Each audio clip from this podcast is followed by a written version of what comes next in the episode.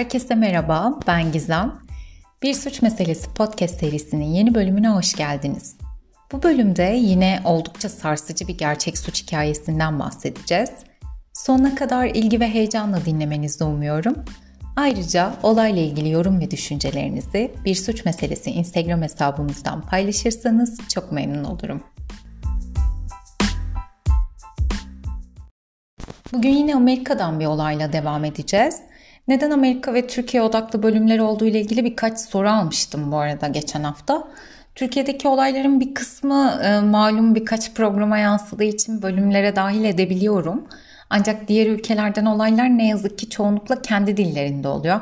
Yani atıyorum işte Fransa'daki bir olay eğer çok gündem olmamışsa ne yazık ki bize ulaşamıyor e, muhtemelen kendi dillerinde, kendi kanallarında yayınlıyor oluyorlar. Amerika'daki olayları kolay takip edebiliyorum İngilizce olduğu için ve gerçekten de orada böyle yerleşmiş bir true crime belgeseli çekme olayı var. Bizde böyle bir şey yok biliyorsunuz. E, haliyle buradan devam ediyor oluyoruz. Bu diğer ülkelerde bu kadar yaygın değil yani bizde olmadığı gibi. Bugünkü olayımız da az önce söylediğim gibi yine Amerika'dan. 1997 senesine Houston'a çeviriyoruz bugün yönümüzü ve Doris'le tanışıyoruz. Doris çok güzel ve alımlı bir genç kadın ve talihi de tıpkı fiziksel özellikleri gibi güzel. Kendisi dönemin en varlıklı ailelerinden birinde doğup büyüyor. Annesi ve babasıyla epey güzel bir ilişkiye sahip, hiçbir sıkıntısı yok, çocuk odaklı yaşayan bir aileler vesaire iyi bir eğitim alıyor. Lise eğitiminin sonunda üniversite eğitimini de alıyor durumları buna uygun olduğu için ve oldukça donanımlı bir genç kadın olarak hayata karışıyor. Kendisi e, kimya ile alakalı bir şeyler okumuş ve patolojiyle ilgileniyormuş.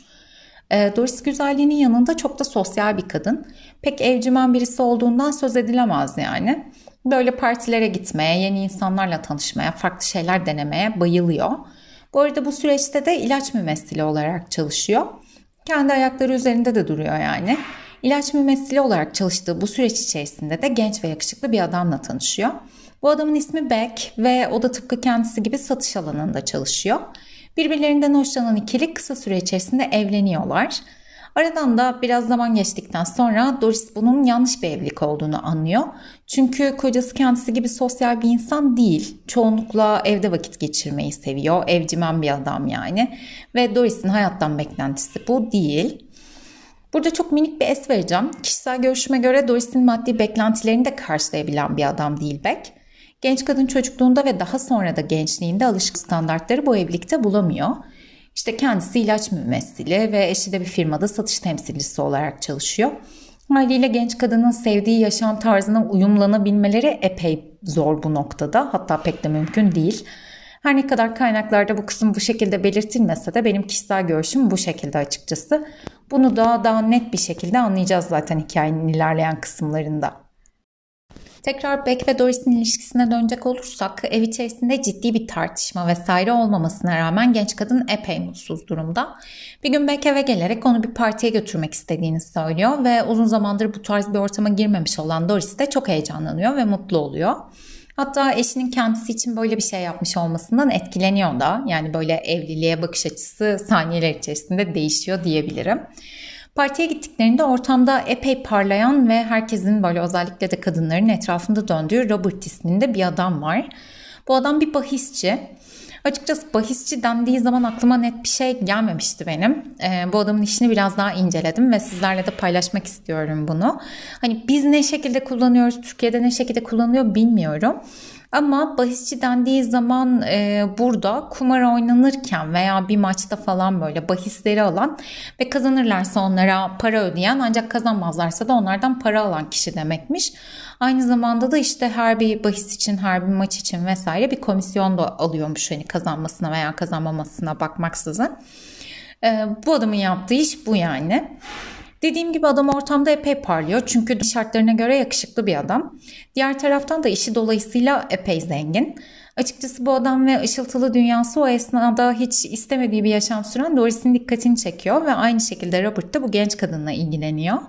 Aslında onları tanıştıran kişi Doris'in eşi Beck. Ee, söylenene göre Beck'in böyle bir e, kumar alışkanlığı varmış. E, ancak Beck'in e, onları tanıştırmış olması ikiliyi pek etkilemiyor. O esnada ortamda zavallı Beck de var. Ancak bizim ikili birbirlerini daha iyi tanımak için koyu bir sohbete dalıyorlar.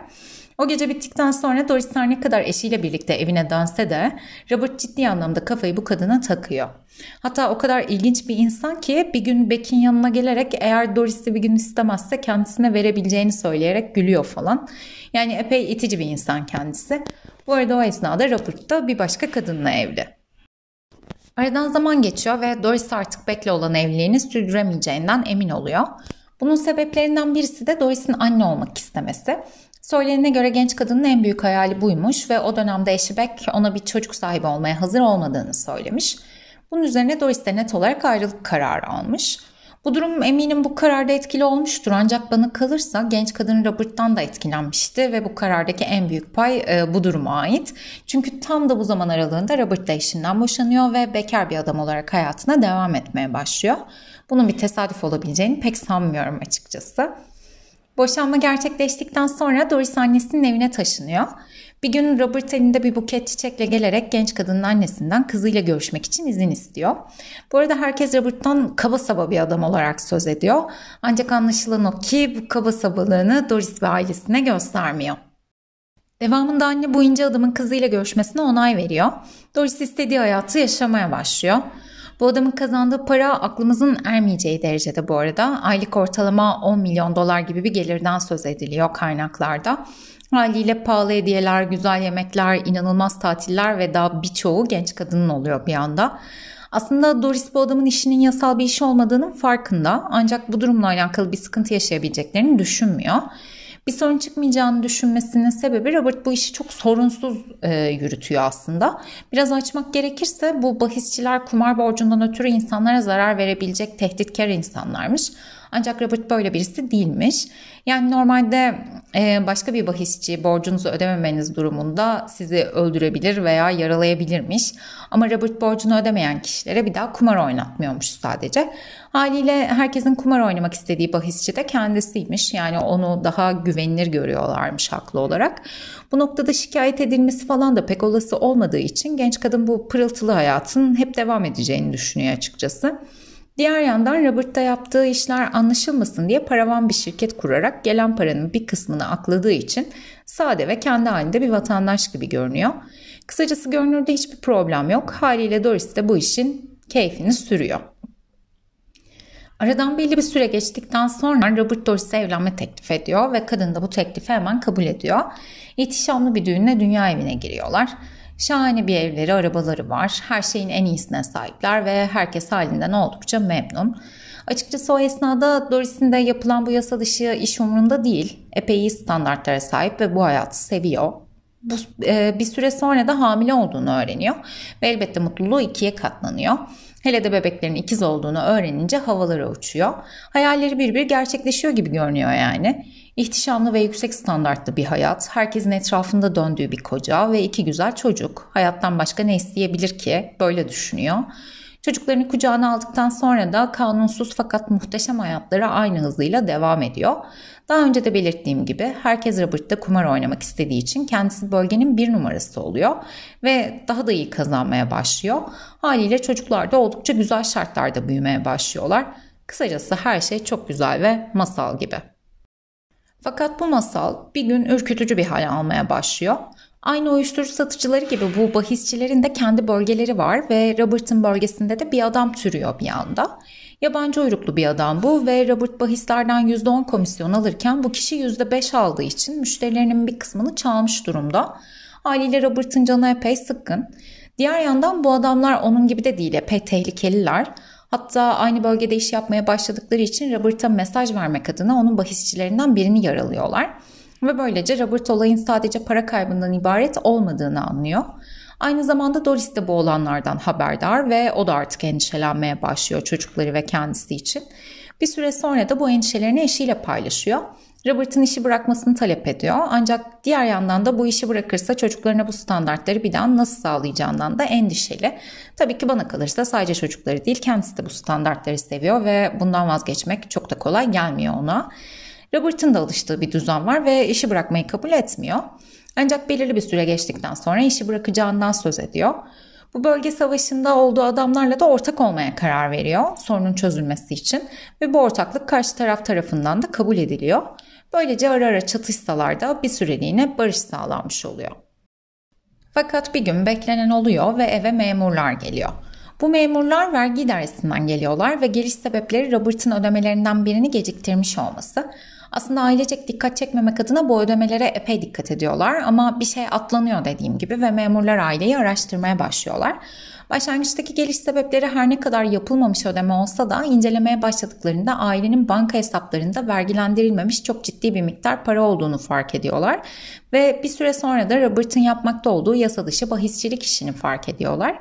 Robert'ı sorguya alıyorlar ve Robert da her şey ortada olduğu için suçunu itiraf ediyor. Ancak o kadar şanslı bir adam ki yetkililerin onunla ilgili başka planları var. Kendisine bir anlaşma teklif ediyorlar. Bahisçilik işine devam etmesini ve muhbirlik yapmasını istiyorlar kendileri için. Bu sayede bir bahisçiyi yakalamaktansa birçok bahisçiye ve hatta birçok çeteye ulaşabileceklerini düşünüyorlar. Elbette Robert da bu teklifi seve seve kabul ediyor. Çünkü bu anlaşmaya göre yaptığı işten kazandıklarını vergilendirmesi şartıyla aynı şekilde yaşamaya devam edebilecek. Diğer yandan bölgede türeyen bahisçileri de polislere yakalatacağı için tekel olacak bahis konusunda. Yani bu Robert için inanılmaz karlı bir anlaşma ve bu noktada bu adama bu kadar karlı bir anlaşma sunulmasını da kişisel olarak anlayamıyorum açıkçası ben. Muhbirlik süreci boyunca Robert epey mutlu çünkü her şey istediği gibi sorunsuz ilerliyor. Ancak bu muhbirlik meselesinden bilmediğimiz bir sebepten dolayı eşi Doris'e söz etmiyor. Doris de bu işin tehlikeli bir hal aldığını fark ettiğinden beri sahiden mutsuz. Artık onu pahalı hediyeler ya da alıştığı bu standartlar mutlu etmeye yetmiyor. Güvenlik arıyor sanırım. Ve e, anladığım kadarıyla daha çok koruma içgüdüsüyle hareket etmeye başlıyor. Çünkü ortalıkta bu e, ciddi miktarda paraya ortak olmak isteyen birçok tehlikeli insan var. Ve o da ikizler için korkuyor. Aslında aynı tehlikeler daha önceden de mevcuttu ama güzel kadının aydınlanması bölgeye çıkan ortakçıların eşini tehdit etmesiyle oluyor sanırım. Bir süre düşündükten sonra da eşinden boşanmaya karar veriyor ancak bu kararını eşiyle paylaşmıyor. Anlaşılan bu süreç içerisinde aralarındaki güven ilişkisi de tamamen kaybolmuş durumda.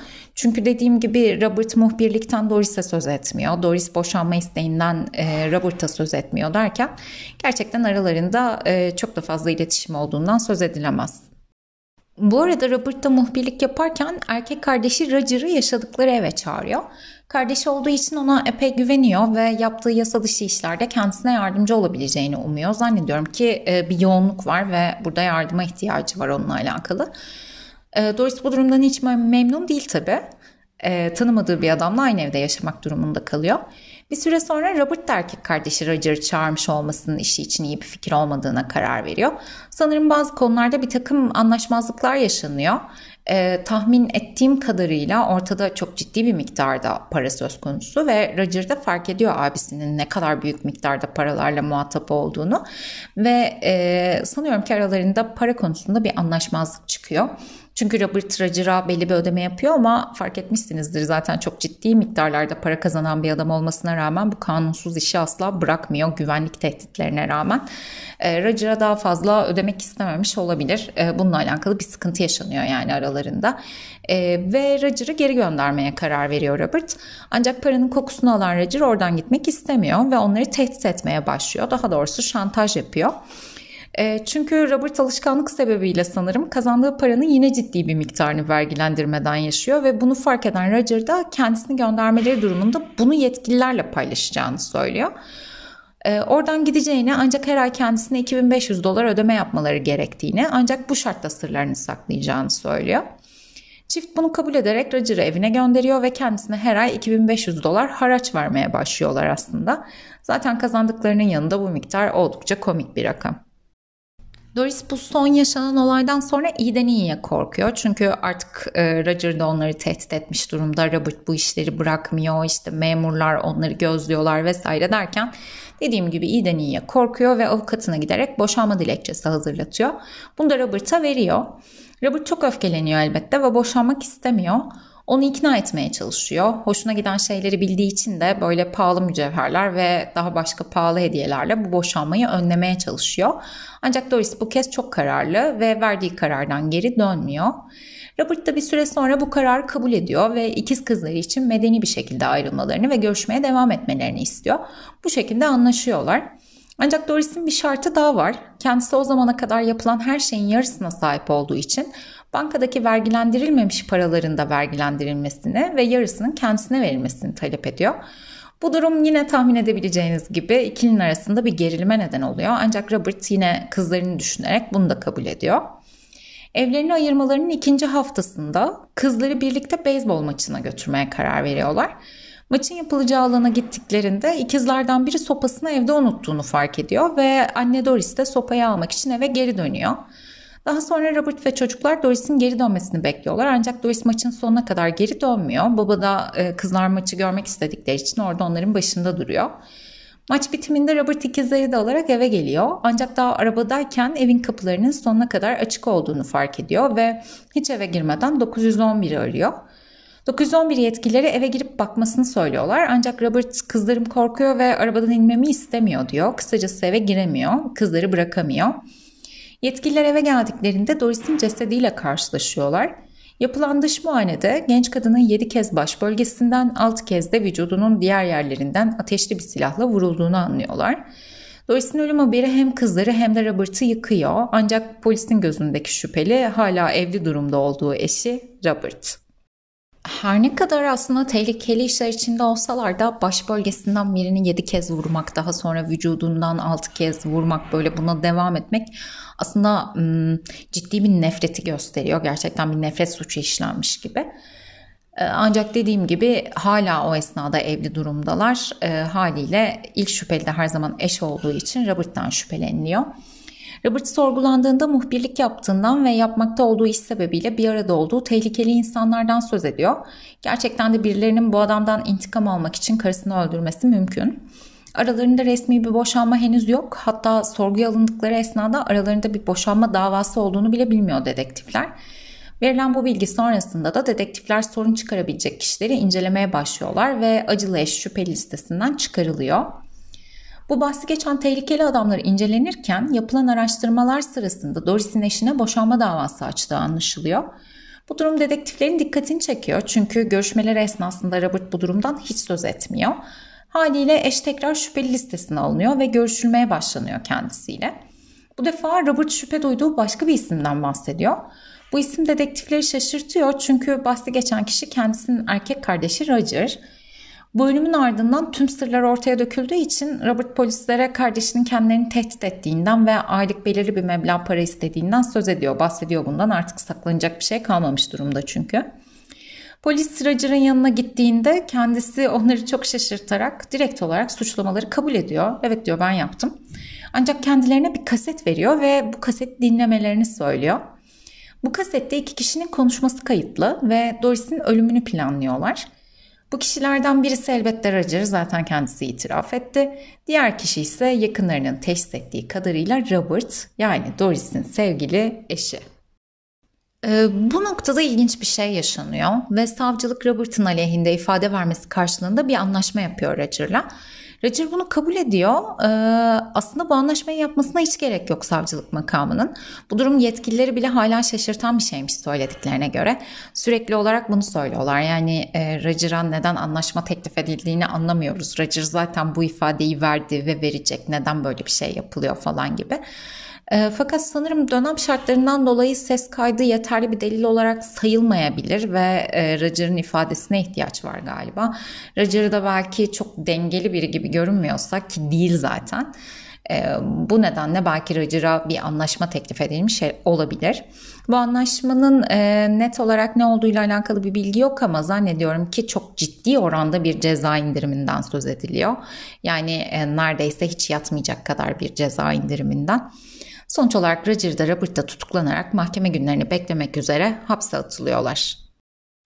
Mahkemeye tam 3 gün kalaysa çok ilginç bir şey yaşanıyor ve Roger kendisini yaklaşık 40 yerinden keserek intihar ediyor. Ee, sanırım bir şekilde bir jilete erişmiş. Ardından da kendi suçlarını kabul eden ancak abisi Robert'ı aklayan bir not bırakıyor. Bu kötü haber elbette.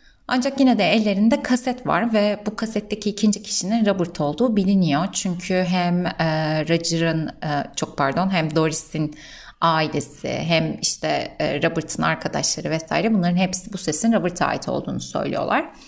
Mahkemede de bu kaset dinleniyor e, mahkeme heyeti tarafından ve daha sonra da ikizler salona çağrılıyor. Ancak ikizler kasetteki ikinci sesin babalarına ait olmadığını söylüyorlar. O esnada epey duygusal anlar yaşanıyor hatta mahkemede. Aslında herkes bu sesin kime ait olduğunu çok iyi biliyor. Ancak kızlara sahip çıkabilecek tek kişi sanıyorum ki babaları ve o noktada babalarını korumak istiyorlar. Bence kızların bu açıklamayı yapmasında aile büyüklerinin de rolleri büyük. Özellikle annelerinin ailesi çocuklara daha farklı e, yaklaşabilirdi. Daha farklı bir ilişkileri olsaydı veya onlara sahip çıksalardı belki de babalarını koruma ihtiyacı hissetmeyeceklerdi bu çocuklar. Mahkemeye geri dönecek olursak jüri de tüm bu olanlar üzerine Robert'ı suçsuz buluyor ve kendisi tahliye oluyor. Buradan sonrası ise dönemin olayla ilgilenen yetkililerini övmekle geçecek. Çünkü sahiden de bu olayın peşini asla bırakmıyorlar. Olayı federal mahkemeye taşıyarak ses tespiti yapılmasını istiyorlar. Mahkemenin olacağı vakitlerde Robert bir mahkemeye daha çıkmak istemediği için bulduğu ilk uluslararası uçuştan bilet alıyor ve Amsterdam'a uçuyor. Teksas'tan bu kişinin iadesi isteniyor ancak dönemin yasalarına göre Hollanda'dan birini cinayet soruşturması için sınır dışı etmek mümkün değilmiş. Bunun üzerine bu defa dedektifler diğer ülkenin yasalarını araştırmaya başlıyorlar ve vergi kaçakçılığı, sahte pasaport gibi suçlardan dolayı kişi ülkesine iade ettiklerini görüyorlar. Hemen vergi kaçakçılığı ile ilgili bir dava açılıyor ve kendisi ülkeye geri getiriliyor. Yargılanıyor ve bu defa suçlu bulunarak 11 senelik bir hapis cezasına çarptırılıyor. E, neden bu kadar az diye düşünüp sinirlenecek olanlar için kendisinin 5 sene hapiste kaldıktan sonra salı verildiğini de eklemiş olayım. Ee, bazı insanlar çok mu şanslı gerçekten bilemiyorum ama bir insanı öldürmenin cezasının bu olmadığına eminim yani. En azından bu olmamalı. Robert bir şekilde hep kendisini kurtaran tiplerden ne yaparsa yapsın başına bir şey gelmiyor sanki. Şu anda dışarıda kendisi ancak ne durumda ne yapıyor bilmiyoruz. Aynı şekilde ikizlerle alakalı da bir bilgi yok. Ne yaptıkları, ne durumda oldukları ile ilgili. Durum genel itibariyle sinir bozucu elbette. Sizler de bölümle ilgili düşüncelerinizi Instagram hesabımızdan paylaşırsanız çok mutlu olurum. Evet, bugün cezasız kalmış diyebileceğimiz bir gerçek suç hikayesinden söz ettik. Umuyorum sonuna kadar ilginizi kaybetmeden dinlemişsinizdir. Bir sonraki bölümde tekrar görüşebilmek üzere. Herkese sevgiler.